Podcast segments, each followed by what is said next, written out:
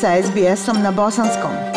Pronađite još sjajnih priča na sbs.com.au kosacrta bosnijan.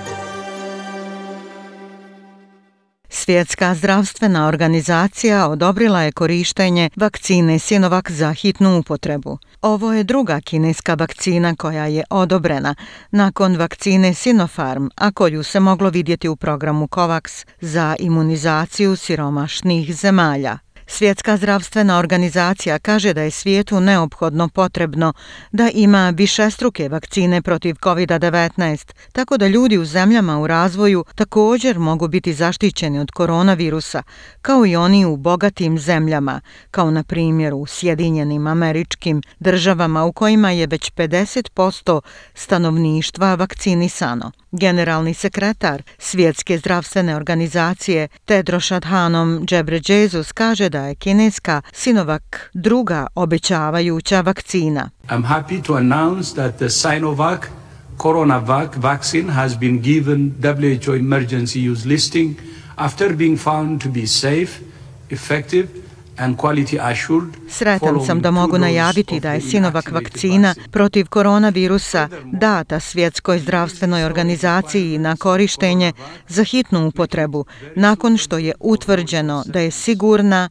efektivna i kvalitetna u dvije doze inaktiviranog cijepiva. Čak šta više, jednostavni zahtjevi korovaka za njeno skladištenje čini je vrlo podesnom za niže postavke resursa. Vakcina se može uskladištiti u običnim, standardnim frižiderima uz temperaturu od 2 do 8 stepeni, što znači da može biti vrlo korisna u zemljama u razvoju koje možda nemaju kapacitet za skladištenje vakcina koje zahtijevaju ultrahladno skladištenje. Izvan Kine, Sinovac se također koristio u zemljama kao što su Brazil, Čile, Meksiko, Indonezija, Tajland i Turska.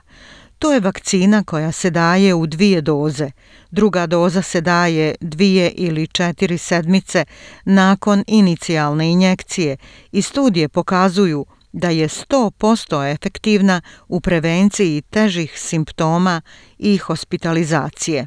Do proglašenja nužnosti je došlo nakon što su Svjetska zdravstvena organizacija, Svjetska trgovinska organizacija, Međunarodni monetarni fond i Svjetska banka napravili zajednički apel da se 65 milijardi dolara investicionog fonda usmjeri ka rješenju problema nejednakosti u pristupu vakcini.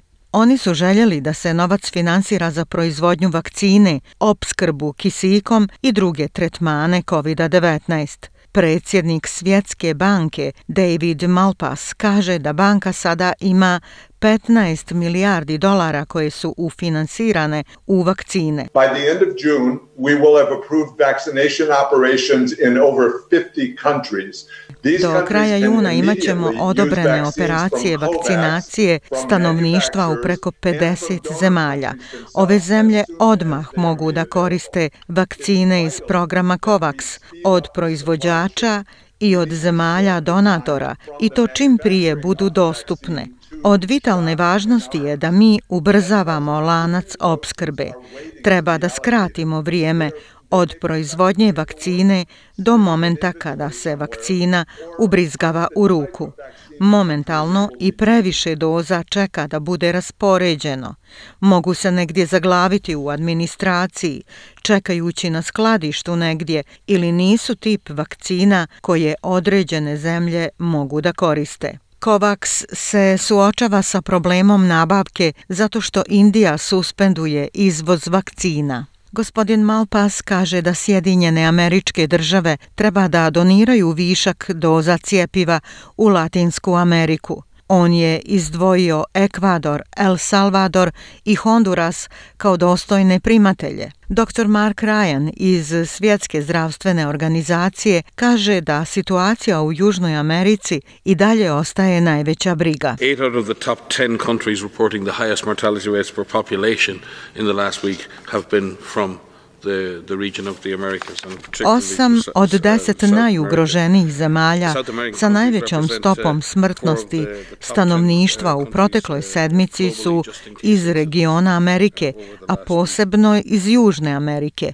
Zemlje Južne Amerike predstavljaju četiri od deset top zemalja na globalnom nivou po broju slučajeva tokom prošle sedmice. U Velikoj Britaniji broj zaraženih slučajeva opet raste zbog varijante virusa iz Indije koji je više prenosiv i kojeg svjetska zdravstvena organizacija sada naziva delta varijantom. Međutim, dok i dalje raste broj zaraženih koronavirusom, u Britaniji nije zabilježen ni jedan smrtni slučaj zbog koronavirusa još od jula prošle godine.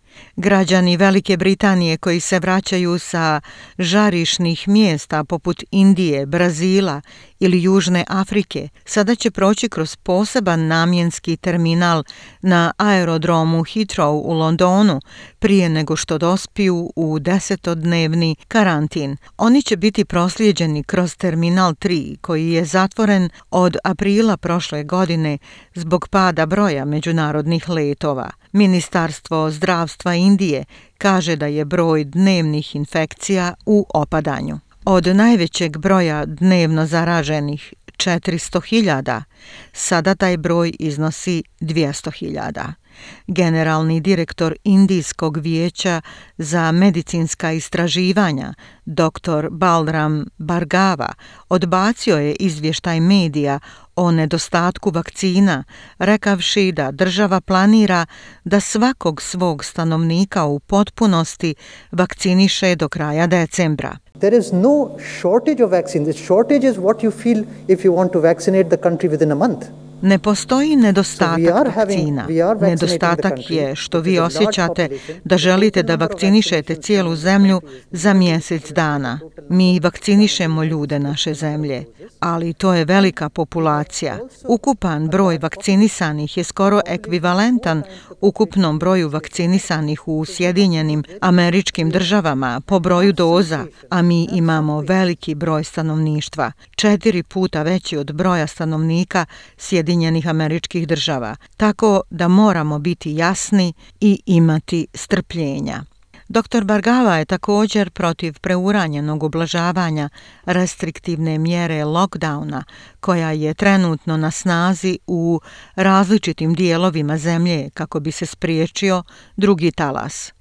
Indija je izvijestila o 28 miliona slučajeva zaraze COVID-19, što je čini drugom poredu na svijetu iza Sjedinjenih država. Više od 331.000 ljudi je umrlo od covid ali se smatra da je taj broj mnogo veći jer mnogi slučajevi nisu prijavljivani za zdravstvene mjere i mjere podrške koje su trenutno na snazi kao odgovor na pandemiju COVID-19 na bosanskom jeziku potražite na internetskoj stranici sbs.com.au kosa crta koronavirus.